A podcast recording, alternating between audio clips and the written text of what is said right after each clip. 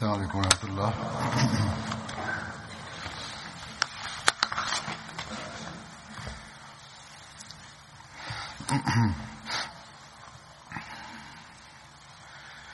أشهد أن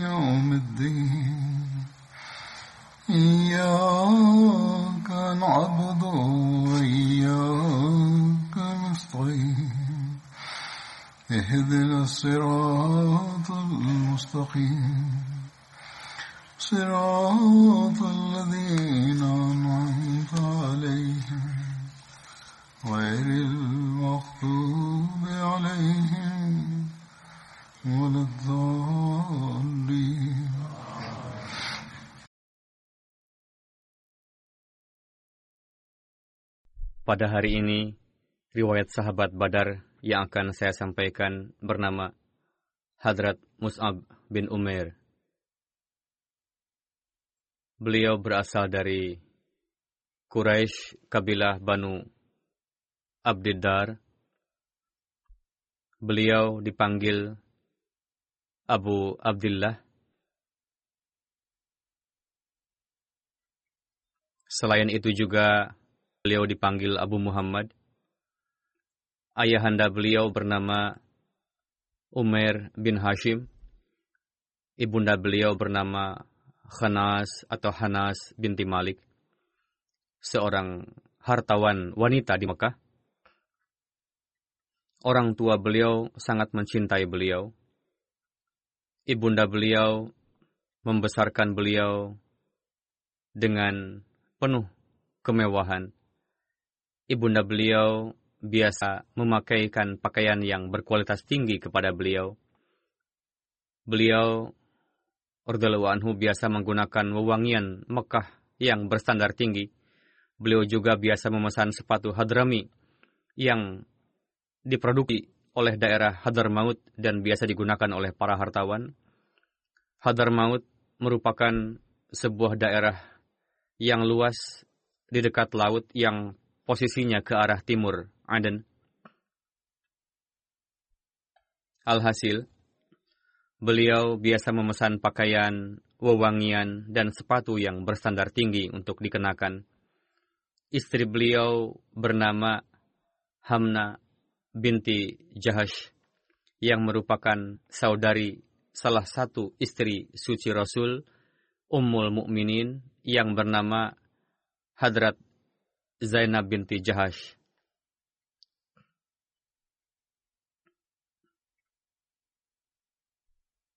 Darinya terlahir seorang putri yang bernama Zainab. Ketika mengenang Hadrat Mus'ab, Rasulullah Shallallahu Alaihi Wasallam bersabda, "Saya tidak pernah melihat orang yang lebih rupawan, lebih mewah, dan mendapatkan berbagai fasilitas lebih lengkap daripada Mus'ab." Hadrat Mus'ab bin Umair merupakan salah satu di antara sahabat agung dan bayat pada masa awal lahirnya Islam.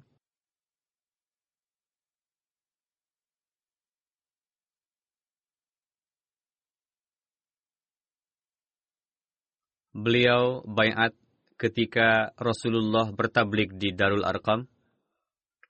Namun, beliau menyembunyikannya karena khawatir akan ditentang oleh ibunda dan kaum beliau.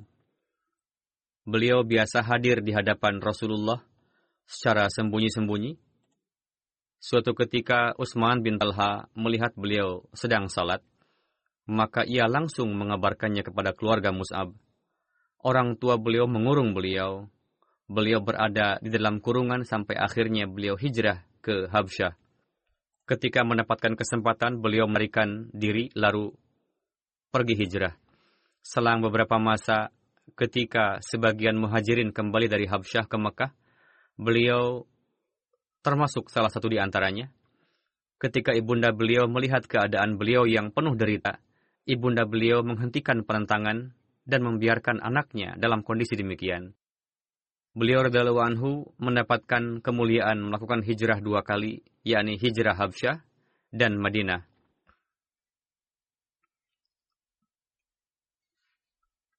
Hadrat Sa'ad bin Abi Waqqas meriwayatkan, saya melihat Hadrat Mus'ab bin Umar pada masa ketika beliau bergelimang harta dan juga masa setelah beliau masuk Islam.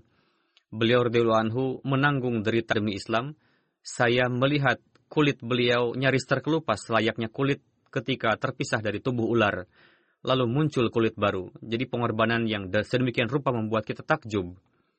Suatu hari, Mus'ab bin Umair hadir ke hadapan Rasulullah Sallallahu Alaihi Wasallam dan saat itu Rasulullah tengah duduk-duduk bersama dengan para sahabat lainnya dan saat itu Hadrat Mus'ab mengenakan pakaian yang bertambalkan kulit. Sungguh drastis keadaan beliau ketika pada masa sebelum dan sesudah bayat masuk Islam yang mengenakan pakaian bertambalkan kulit. Ketika para sahabat melihat kondisi beliau, menundukkan kepala karena di antara mereka tidak ada yang dapat memberikan bantuan kepada Hadrat Mus'ab. Saat itu Hadrat Mus'ab datang lalu mengucapkan salam kepada Rasulullah dan Rasul menjawabnya. Kemudian Rasul menyampaikan pujian kepada beliau, bersabda, Alhamdulillah, semoga orang-orang duniawi mendapatkan dunianya. Saya melihat Mus'ab pada masa ketika di Mekah. Tidak ada yang melebihinya dalam hal kemewahan dan harta kekayaan. Ia adalah anak yang paling disayang oleh orang tuanya namun kecintaannya kepada Allah dan Rasul-Nya pada hari ini telah menyampaikannya pada keadaan seperti ini, dan ia meninggalkan semua itu demi Tuhan dan keridaannya. Hadrat Sa'ad bin Abi Waqqas meriwayatkan, ketika Rasulullah Wasallam melihat Hadrat Musa bin Umar, Rasul teringat pada keadaan masa lalunya yang bergelimang harta, lalu Rasul menangis setelah melihat pengorbanannya sekarang. Hadrat Ali meriwayatkan, kami tengah duduk bersama dengan Rasul di masjid. Lalu datang Hadrat Musa bin Umar yang mengenakan kain cadar bertambalkan kulit. Ketika Rasul melihatnya, lalu Rasul menangis setelah teringat akan keadaan masa lalunya yang serba mewah. Rasul bersabda, bagaimanakah keadaan kalian nantinya ketika kalian mengenakan pakaian berbeda pada pagi dan petang? Yakni sedemikian rupa mewahnya seseorang sehingga siang, pagi, dan sore pakaiannya berbeda-beda. Lalu Rasul bersabda, lalu diletakkan wadah makanan di hadapannya dan wadah yang lain diambil, yakni makanannya beragam sebagaimana kita nampak pada zaman sekarang, lalu kalian memasang kain di rumah-rumah kalian layaknya kain yang menutupi Ka'bah, yakni dipasangkan kain yang berstandar tinggi, yakni persis seperti keadaan saat ini, di mana umat Islam mendapatkan kelapangan rezeki di kemudian hari. Lalu hadrat, lalu sahabat bertanya, wahai Rasulullah, apakah kondisi kami pada saat itu akan lebih baik daripada saat ini, sehingga akan leluasa untuk beribadah? Yakni kelapangan yang seperti itu berarti leluasa untuk beribadah dan terhindar dari kerja keras? Rasulullah bersabda, Tidak, melainkan kondisi kalian pada masa ini lebih baik dari masa tersebut. Kondisi kalian, ibadah kalian, dan standar kalian akan jauh lebih tinggi dari kondisi lapang yang akan diraih oleh orang-orang di kemudian hari. Dalam buku Sirat Khatamun Nabiyyin, Hadrat Mirza Bashir Ahmad menulis, perihal keadaan ketika hijrah ke Habsyah, Meskipun pernah saya sampaikan sebelum ini dalam topik sahabat yang lain, namun akan saya sampaikan saat ini secara singkat, yakni atas perintah Rasulullah pada bulan Rajab, lima Nabawi, sebelas pria dan wanita hijrah ke Habsyah. Di antaranya adalah Hadrat Mus'ab bin Umar radhiyallahu anhu,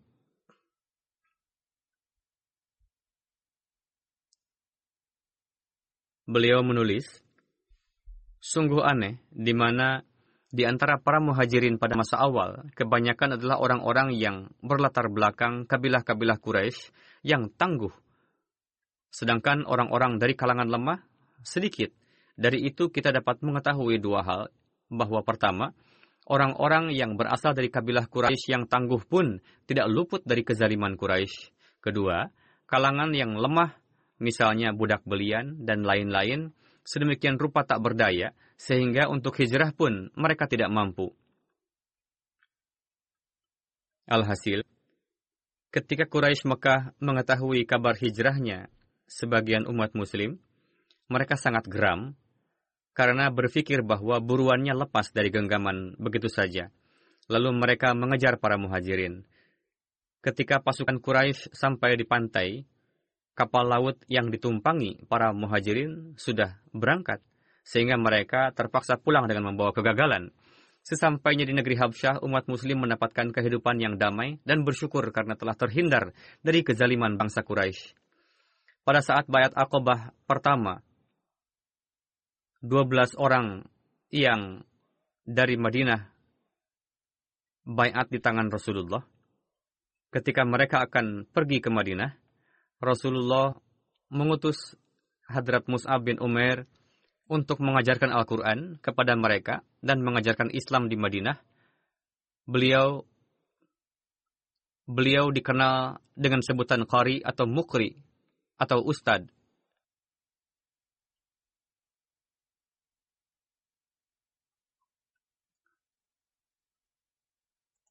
Berdasarkan riwayat yang lainnya, Ansar kabilah Aus dan Khajraj memohon kepada Rasulullah untuk dikirimkan orang yang akan mengajarkan Al-Quran kepada mereka. Lalu Rasulullah mengutus Hadrat Mus'ab bin Umair.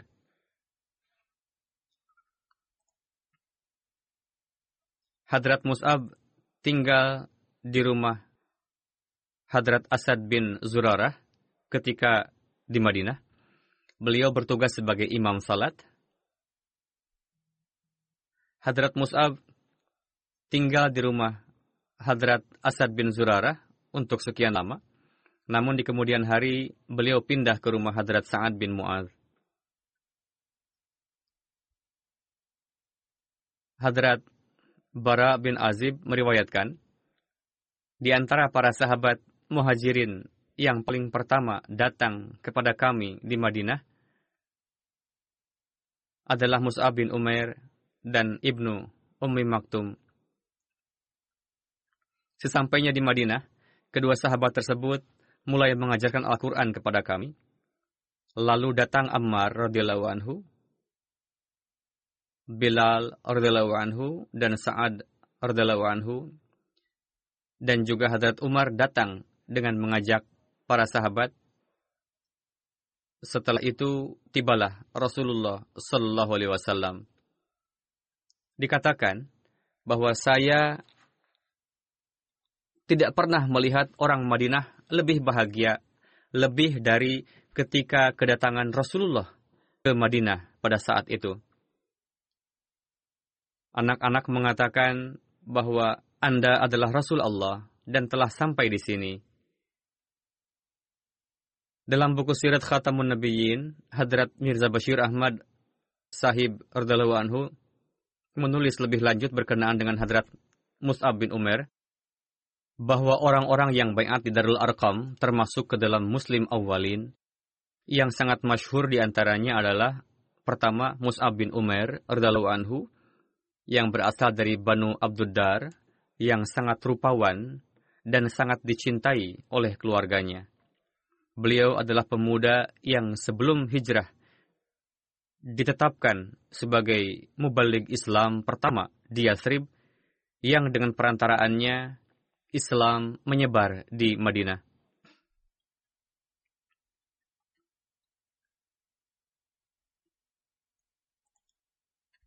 Tertulis dalam satu buku sirat bahwa Hadrat Mus'ab bin Umair di Madinah merupakan orang pertama yang memimpin salat Jum'ah sebelum hijrah.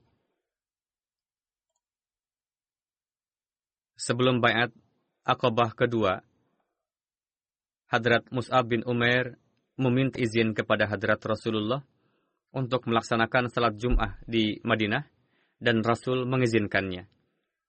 Hadrat Mus'ab bin Umair memimpin salat Jum'ah di rumah Hadrat Sa'ad bin Khaisamah. Saat itu dihadiri oleh 12 orang Madinah. Pada kesempatan itu, mereka menyembelih seekor kambing. Hadrat Mus'ab bin Umair adalah orang pertama dalam Islam yang memimpin salat Jum'ah. Namun ada riwayat lain yang menurutnya adalah Hadrat Abu Umamah Asad bin Zurarah yang pertama kali memimpin salat Jum'ah di Madinah.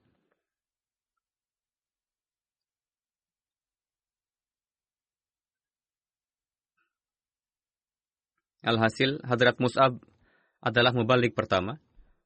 Hadrat Mus'ab radhiallahu anhu mengajak Hadrat Asad bin Zurarah untuk bertablik ke berbagai kawasan Ansar. Berkat tablik Hadrat Mus'ab, banyak sekali sahabat yang bayat masuk Islam, di antaranya beberapa sahabat besar, misalnya Hadrat Sa'ad bin Mu'az, Hadrat Ubadah bin Bishr, Hadrat Muhammad bin Maslama, Hadrat Usaid bin Hudair, dan lain-lain.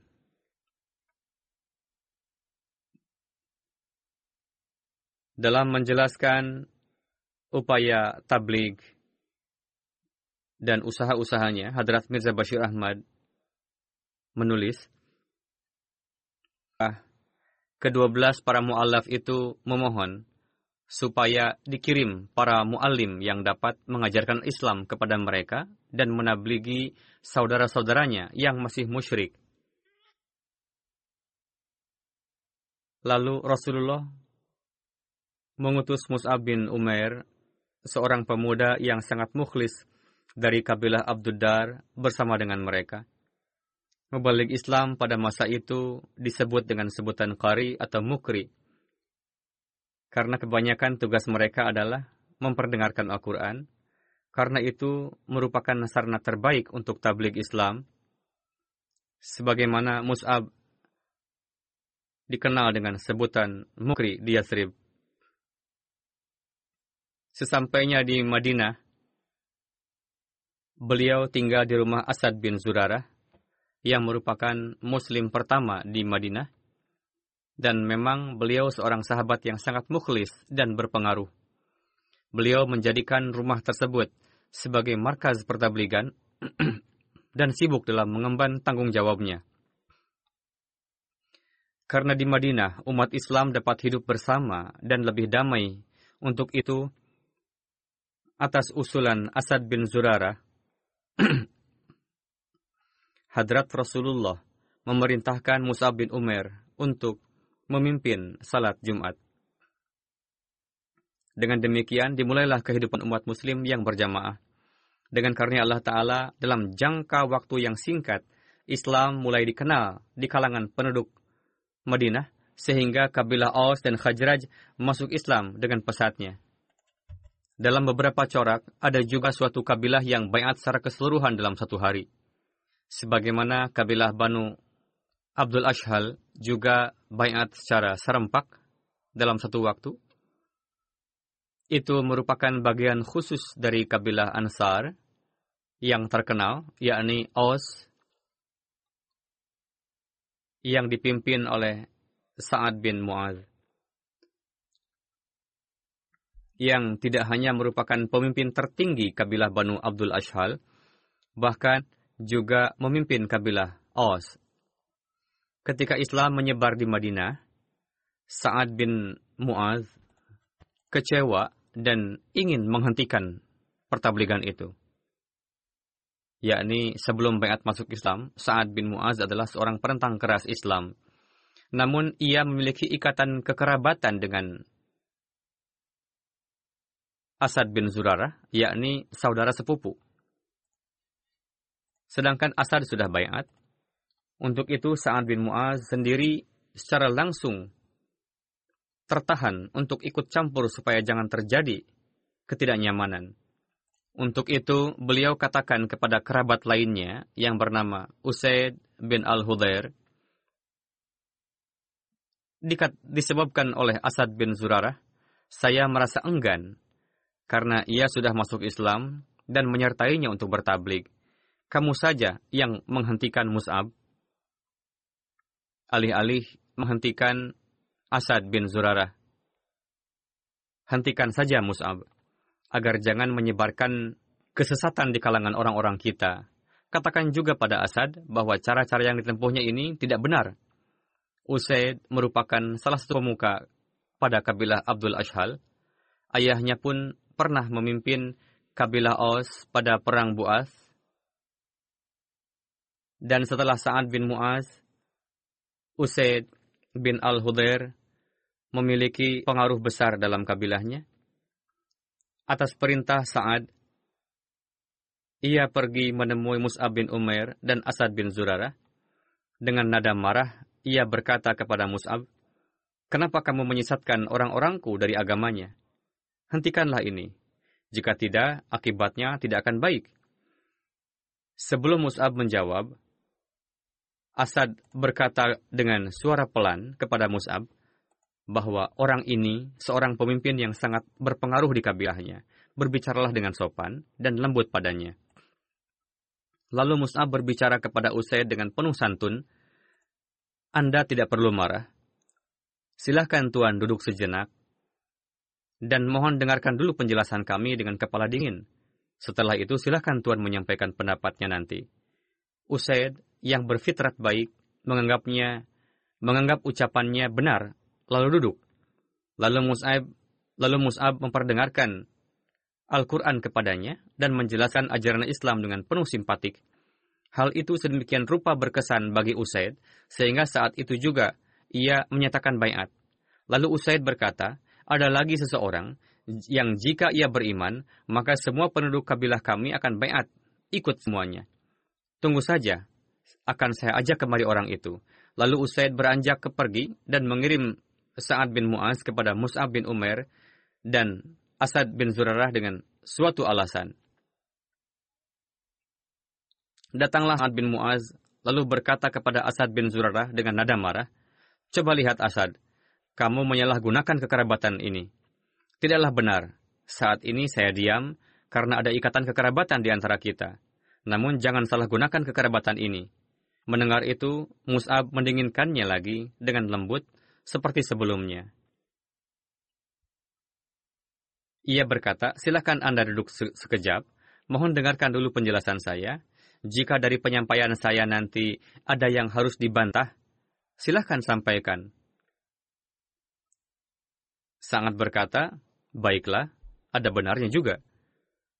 Lalu beliau menyandarkan senjatanya. Seperti sebelumnya, Mus'ab menelawatkan Al-Quran, lalu menjelaskan prinsip-prinsip Islami dengan cara yang menarik. Tidak lama setelah berlangsung pembicaraan, Sa'ad bin Mu'az yakin. Lalu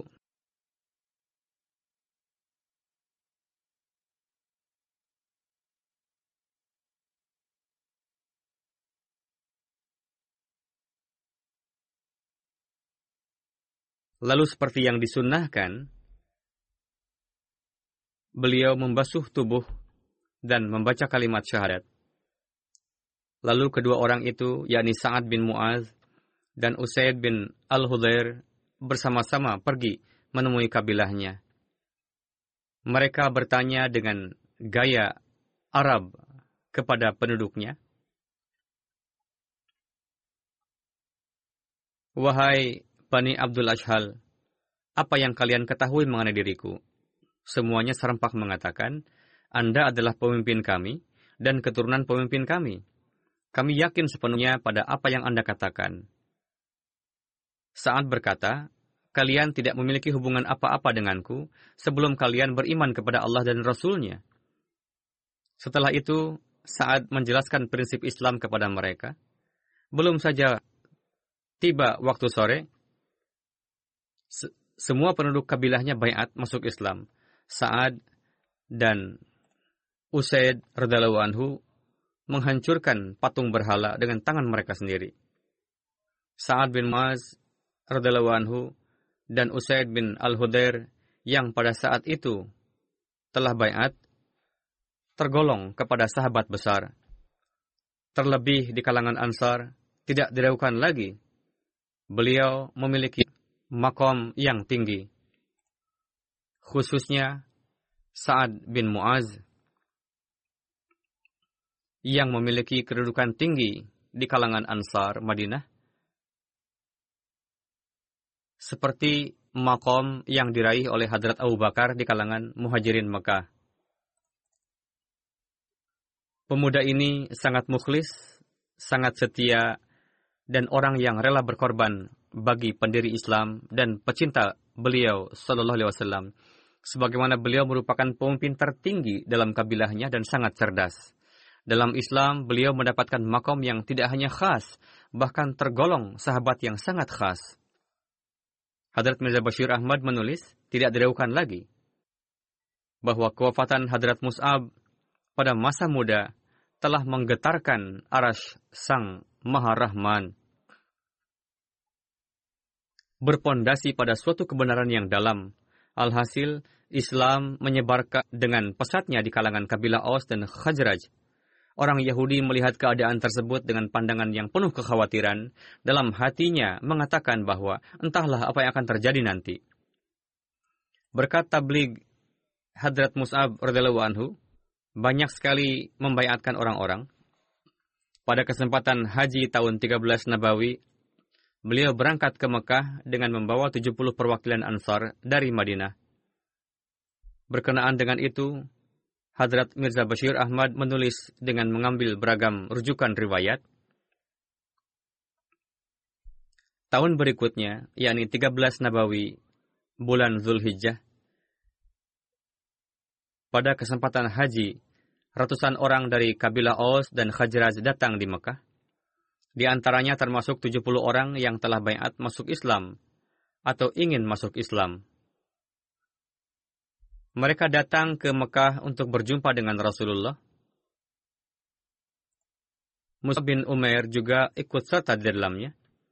Ibunda Hadrat Mus'ab masih hidup pada saat itu, meskipun seorang musyrikah, namun sangat mencintai sang putra. Ketika sang ibu mendapatkan kabar akan datangnya sang putra, sang ibu mengirim pesan untuk terlebih dulu menjumpainya. Setelah itu, silahkan ke mana saja. Mus'ab menjawab, Ibu, saya masih belum berjumpa dengan Rasulullah, setelah berjumpa dengan beliau, nanti saya akan menjumpai ibu. Lalu beliau radhiyallahu anhu pergi menemui Rasulullah. Setelah berjumpa dan mendiskusikan berbagai masalah penting, lalu beliau pergi menjumpai ibunya. Setelah mengetahui bahwa sang putra tidak menjumpainya terlebih dahulu, ibu beliau sangat kecewa dan ketika berjumpa, sang ibu menangis deras dan mengeluhkannya. Musa berkata, Ibu, saya ingin katakan sesuatu yang sangat baik kepada ibu, yang akan sangat bermanfaat untuk ibu, dan menjadi solusi akan segala perselisihan. Ibunya bertanya, apa itu? Mus'ab menjawab dengan suara lembut, Ibu, tinggalkan penyembahan berhala, lalu masuk Islam, dan berimanlah kepada Rasulullah. Mendengar itu, karena ibu beliau kental kemusyrikannya, mengatakan, Demi bintang-bintang, saya tidak akan pernah masuk agamamu. Lalu ibunya memberikan isyarat kepada kerabat lainnya untuk menangkap Mus'ab dan mengurungnya. Namun Mus'ab dapat melarikan diri. Berkenaan dengan Hadrat Mus'ab bin Umar, masih ada kelanjutannya, karena salat jenazah gaib untuk dua almarhum dan saya akan pimpin nanti salat jenazah gaib tersebut. Untuk itu saya akhiri kisah sahabat ini dan akan dilanjutkan pada khutbah yang akan datang, insya Allah. Di antara jenazah yang akan disalatkan, salah satunya adalah yang terhormat Tuan Malik Munawar Ahmad Jawid, putra dari yang terhormat Tuan Malik Muzaffar Ahmad, yang wafat pada tanggal 22 Februari di usia 84 tahun. Innalillahi wa inna ilaihi rajiun. Sejak beberapa lama beliau menderita penyakit jantung yang karenanya setelah mendapatkan perawatan di Tahir Heart, selama 10 hari beliau kembali ke haribaan sang khaliknya. Almarhum adalah seorang musik. Di antara yang tinggalkan selain istri beliau ada juga empat orang putra dan dua orang putri. Kakek almarhum dari pihak ayah adalah Hadrat Dr. Zafar Chaudhry.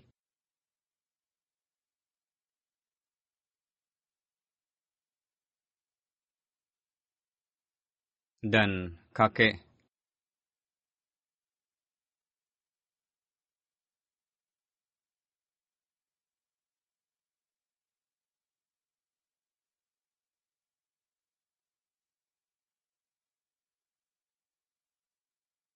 dari pihak ibu adalah Hadrat Syekh Abdul Karim yang berasal dari Ghazifur, distrik Kurdaspur.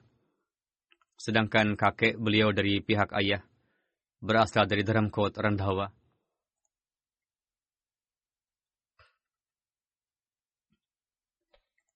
Kedua sesepuh ini, yakni kedua kakek beliau ini bayat di tangan Hadrat Masih Maud salam dan mendapatkan kedudukan sebagai sahabat pada tahun 1968, Tuan Malik Menawar Jawid menikah dengan Nyonya Salma Jawid. Ia merupakan putri dari Tuan Sufi Hamid, cucu dari Muballig, Muballig Mauritius, yang juga sahabat Hadrat Masih Maud salam, yakni Hadrat Hafiz Sufi Gulam Muhammad, dan juga cucu dari Hadrat Dr. Zafar Hussein, yang juga sahabat dari Hadrat Masih Maud salam. Hadrat Hafiz Sufi Ghulam Muhammad Mauritius termasuk di antara 313 sahabat Hadrat Masih Maud salam. Dengan demikian, kakek almarhum baik dari pihak ayah maupun ibu, demikian juga kakek istri almarhum baik dari pihak ayah maupun ibu, dengan karunia Allah Ta'ala keempatnya adalah sahabat Hadrat Masih Maud salam. Pada satu kesempatan, Tuan Malik menceritakan mengenai proses wakaf zindagi beliau, yakni keinginan saya untuk wakaf timbul ketika saya mendengar pidato Hadrat Khalifatul Masih Ar-Rabi, rahimahullah pada istimewa Ansarullah tahun 82. Dan pidatonya, Huzur menjelaskan mengenai pentingnya wakaf. Dan Huzur menutup pidatonya dengan satu kalimat yang mafhumnya kurang lebih seperti ini. Apakah kamu tidak ingin nafas terakhirmu dihembuskan dalam keadaan tengah mewakafkan diri? Beliau mengatakan kalimat ini merupakan suatu titik balik, yakni turning point bagi saya. Saya terus berpikir apakah saya juga bisa mewakafkan diri? Singkatnya, setelah itu beliau memutuskan untuk mempersembahkan diri beliau untuk wakaf dan pada tanggal 10 Agustus tahun 83 beliau mengajukan permohonan wakaf zindagi ke hadapan Hadrat Khalifatul Masih Ar-Rabi pada tanggal 18 Agustus 83 Huzur rahimahullah menerima wakaf beliau dan bersabda Selesaikanlah pekerjaan Anda, lalu datanglah. Pada waktu itu beliau juga berbisnis. Pada tanggal 28 Oktober 83, Hazrat Khalifatul Masih yang keempat, rahimahullah,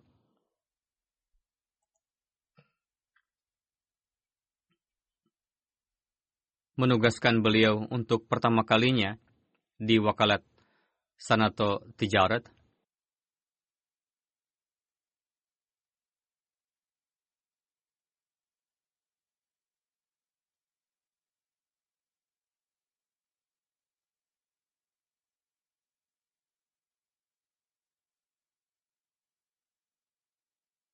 Sejak tanggal 1 Oktober 83, beliau datang ke wakalat Sanatwa Tijarat. Sebelum mewakafkan diri, beliau bekerja di sekretariat pemerintahan Punjab selama 16 tahun. Setelah itu, kurang lebih selama 10 tahun, beliau menjalankan bisnis pribadi. Pada November 83, beliau ditetapkan sebagai manajer majalah Review of Religion. Pada tahun 84, beliau ditugaskan sebagai muawin Nazir Jafat dari 20 April 83 hingga Juli 2016 beliau mendapatkan taufik bertugas sebagai naib Nazir Diafat. Pada tahun 90 ketika didirikan Komite Bantuan Anak-anak Yatim, beliau ditetapkan sebagai sekretarisnya yang pertama, dan kurang lebih selama 20 tahun beliau mendapatkan taufik untuk berkhidmat di, di jabatan tersebut. Dari tahun 68 hingga 70, beliau menjadi kaid distrik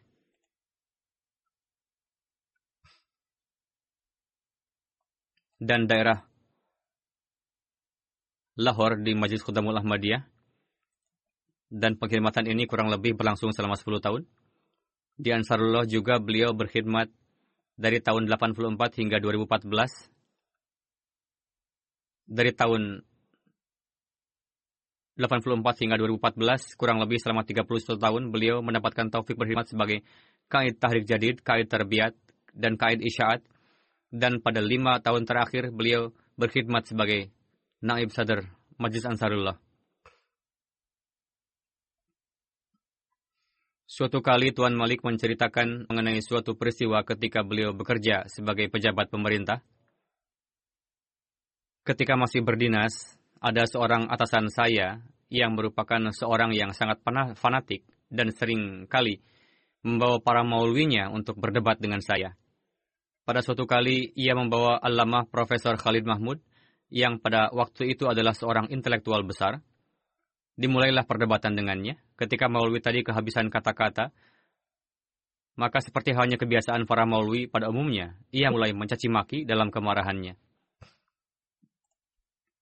Atasan saya tadi menjadi takut jangan sampai keadaan menjadi semakin memburuk.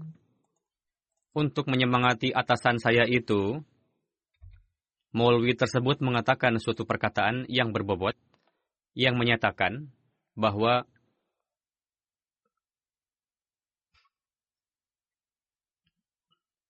beliau menyatakan bahwa keyakinan di dalam hati mengenai hubungan para anggota jemaat dengan Allah Ta'ala, Maulwi tersebut mengatakan, para Ahmadi telah begitu berbuat zalim terhadap Allah Ta'ala, Rasulnya, dan kitabnya, sehingga Allah Ta'ala akan membinasakan mereka. yakni sedemikian rupa para Ahmadi telah berbuat zalim kepada Allah Ta'ala, Rasul, dan kitabnya, sehingga Allah Ta'ala akan membinasakan mereka. Namun mengapa dia tidak membinasakan mereka? Maulwi tadi mengatakan, para Ahmadi setiap saat selalu selamat, dikarenakan mereka menangis sedemikian rupa di dalam salat-salat mereka. Tuan Malik mengatakan kepadanya, Tuan Maulwi, tolong Anda tulis ini dan berikan kepada saya. Maulwi itu bertanya, mengapa? Tuan Malik mengatakan, dalam bahasa Punjabi, saya akan mencetaknya dalam surat kabar. Artinya, Maulwi tersebut terpaksa mengakui bahwa tangisan dan rintihan para Ahmadi selalu membantu mereka setiap saat, dan Allah Ta'ala mendengar mereka. Meskipun menurut Maulwi tersebut kita salah, namun ia yakin bahwa Allah Ta'ala mendengar doa-doa kita. Semoga Allah Ta'ala membukakan mata orang-orang dan orang-orang yang telah dan sedang terus para maulwi ini sesatkan. Semoga Allah telah menyelamatkan orang-orang tersebut dari kerusakan dan tipuan mereka. Muawin Nazir Diafat kita, Tuan Usama Azhar menulis, Tuan Malik Menawar Ahmad Jawid memiliki kemampuan administrasi yang sangat baik. Beliau biasa bangun malam-malam dan berkeliling di Darul Ziafat, meninjau para karyawan dan sesuai dengan musim beliau biasa menyediakan cahaya, telur, dan sebagainya dan sebagainya bagi mereka. Beliau memperlakukan para karyawan Daruziafat dengan penuh cinta, kasih sayang, dan rasa simpati. Beliau selalu memperhatikan kesejahteraan keluarga para karyawan dan secara diam-diam sebisa mungkin memberikan bantuan finansial. Tuan Nadim, menantu beliau dan juga sepupu beliau menulis bahwa Tuan Malik selalu menggerakkan saya untuk salat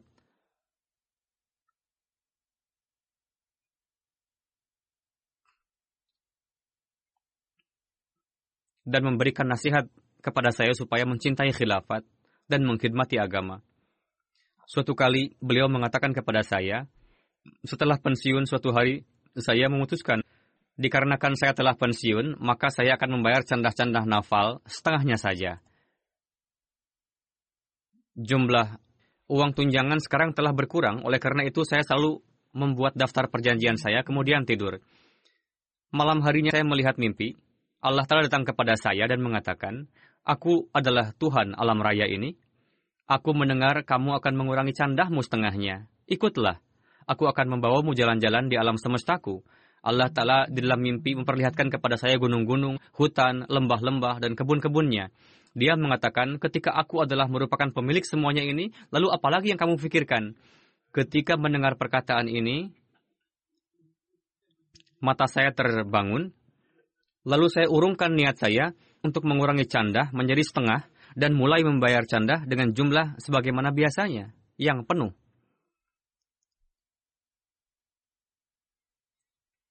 Istri almarhum mengisahkan, sebelum wakaf zindagi ketika masih berbisnis, pada malam-malam di musim dingin beliau biasa memasukkan uang ke dalam saku dalam jumlah yang banyak, lalu pergi ke jalanan. Dalam kondisi demikian, jika bertemu dengan pengemis, maka memang ia betul-betul orang-orang yang sangat membutuhkan. Suatu kali ada seorang laki-laki berdiri dengan sangat gelisah dan memberitahukan bahwa ibunya sedang sakit keras, sedangkan ia tidak mempunyai uang, maka almarhum memberikan seluruh uangnya kepada orang tersebut, lalu pulang ke rumah. Muawin Nazir Diafat yang juga seorang mubalik, Tuan Asif Majid mengatakan, terkadang ketika kondisi sedang ramai, para tamu kesulitan mendapatkan tempat menginap, dan beberapa tamu datang menemui beliau, baik di tempat umum maupun di kantor, dan mengucapkan kata-kata yang kasar. Namun almarhum dengan ramah mendengarkan semua perkataan mereka, dan terkadang saya melihat almarhum mengulurkan tangan untuk memohon maaf kepada mereka. Beberapa di antara para tamu yang kepada mereka beliau mengulurkan tangan untuk memohon maaf, tersebut ada yang usianya seumuran dengan anak beliau. Suatu ketika setelah para tamu pergi, saya mengungkapkan kepada beliau, Tuan Malik, saya sangat sakit hati melihat Tuan mengulurkan tangan meminta maaf kepada mereka. Almarhum menjawab, kenapa Tuan yang sakit hati? Yang mengulurkan tangan kan saya bukan Tuan. Ingatlah, Tuan rumah dari para tamu ini, yakni Hazrat Masih Maud beliau alaihissalam berlari tanpa alas kaki untuk membujuk para tamu dan meyakinkan mereka untuk mau kembali. Kemudian Tuan Asif mengatakan, suatu kali saya duduk di kantor beliau. Beliau menceritakan suatu peristiwa bahwa pada suatu hari ada seorang yang sudah sepuh masuk ke kantor beliau dengan sangat marah dan berbicara dalam bahasa Punjabi kepada beliau. Kamu yang namanya Malik Munawar Jawid? Tuan Malik menjawab, ya, saya sendiri Malik Munawar Jawid.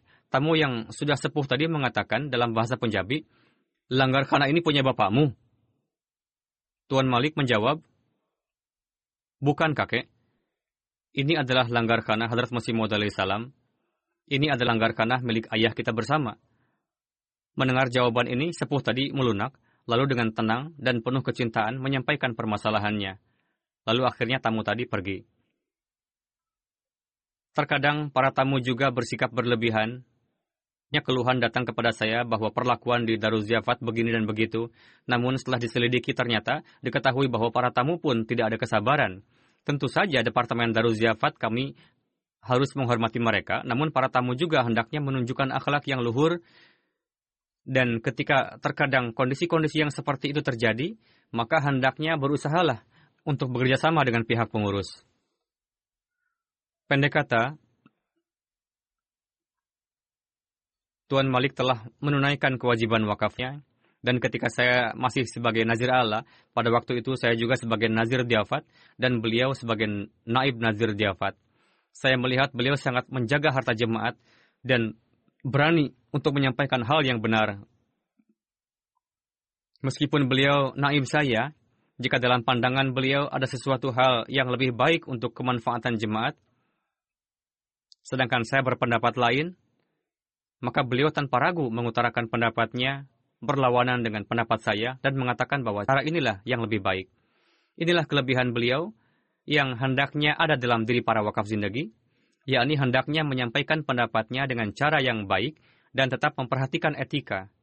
Beliau memiliki hubungan kesetiaan dengan khilafat yang sangat tinggi, yang nampak dari setiap surat-surat beliau, dan dari setiap kali mulakat beliau dengan saya, beliau dua kali bertemu dengan saya.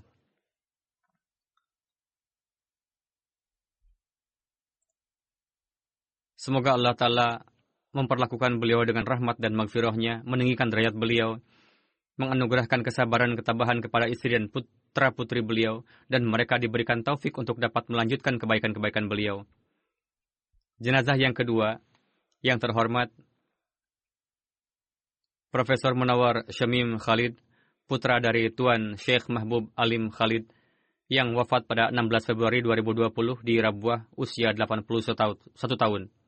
Innalillahi wa inna ilaihi raji'un.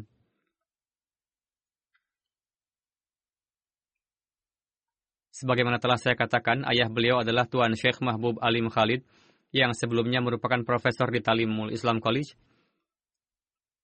Lalu Hadrat Khalifatul Masih.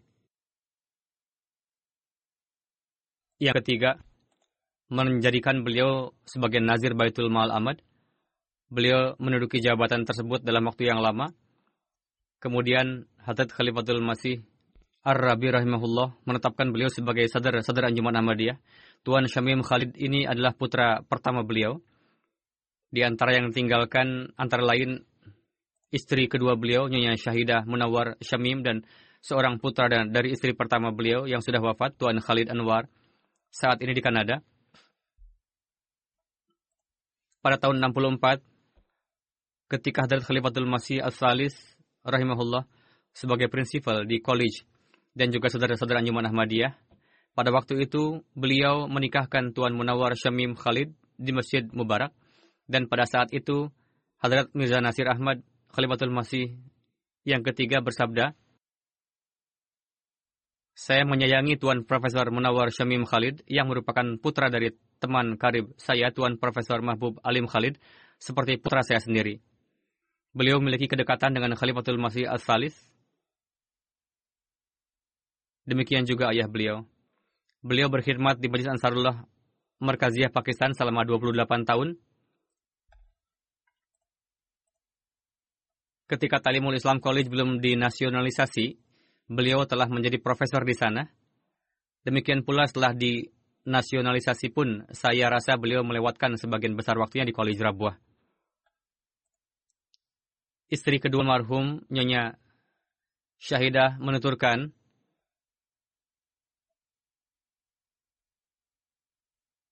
Beliau adalah putra dari Tuan Mahbub Alim Khalid dan kakek beliau adalah Tuan Maulwi Farzan Ali Khan yang merupakan imam Masjid London terdahulu dan Nazir Baitul Mal.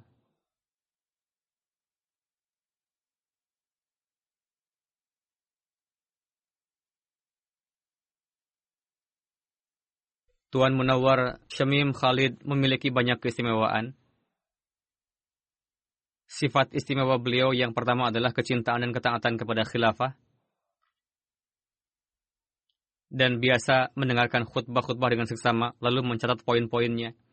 Beliau dawam dalam puasa, salat, rajin, tahajud, disiplin dalam melaksanakan salat berjamaah. Ketika beliau berhenti pergi ke masjid dikarenakan sakit, beliau sangat sedih dan sering kali menangis karena tidak bisa pergi ke masjid. Beliau melewati masa-masa sakit beliau dengan sabar dan tabah tidak pernah mengeluh. Beliau tidak pernah berkeluh kesah dan selalu mengucapkan Alhamdulillah. Dalam pengkhidmatan terhadap agama, nampak keikhlasan, kesetiaan, dan kerja keras beliau. Beliau seorang pengkhidmat yang tidak banyak bicara, sosok yang penyayang, setia, dan penuh kecintaan. Ketika beliau mengajar di college, saya menjadi murid beliau untuk beberapa lama, dan kemudian ketika saya menjadi Amir Makami dan Nazir Allah, beliau sangat menghormati saya tidak pernah memberikan kesan bahwa kamu adalah murid saya.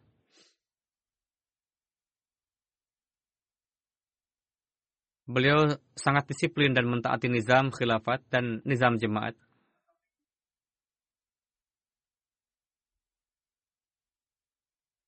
Setelah saya menjadi khalifah, jalanan yang beliau tunjukkan sangat luar biasa. Semoga Allah Ta'ala memperlakukan beliau dengan magfirah dan kasih sayangnya memberikan tempat kepada beliau di antara hamba-hamba terkasihnya dan memberikan taufik kepada yang tinggalkan untuk dapat meneruskan kebaikan-kebaikan beliau. Setelah salat Jumat, saya akan memimpin salat jenazah beliau berdua. Insyaallah.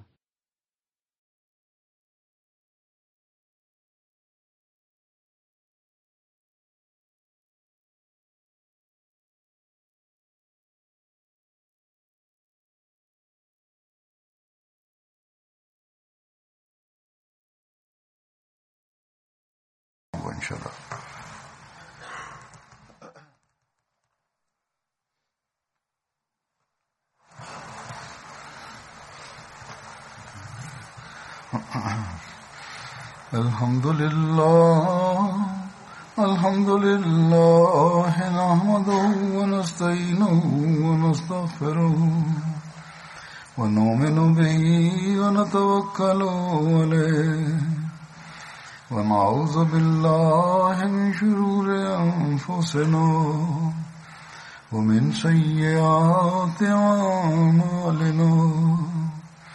من يهده الله فلا مضل له ومن يضلل فلا هادي له.